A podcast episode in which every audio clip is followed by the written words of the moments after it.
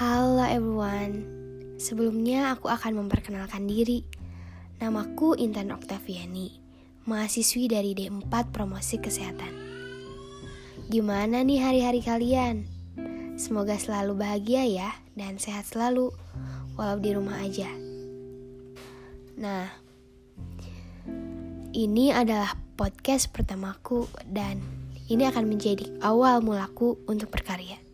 Di era pandemi ini, banyak banget waktu luang yang kita punya ya, dan hanya sedikit yang memanfaatkannya.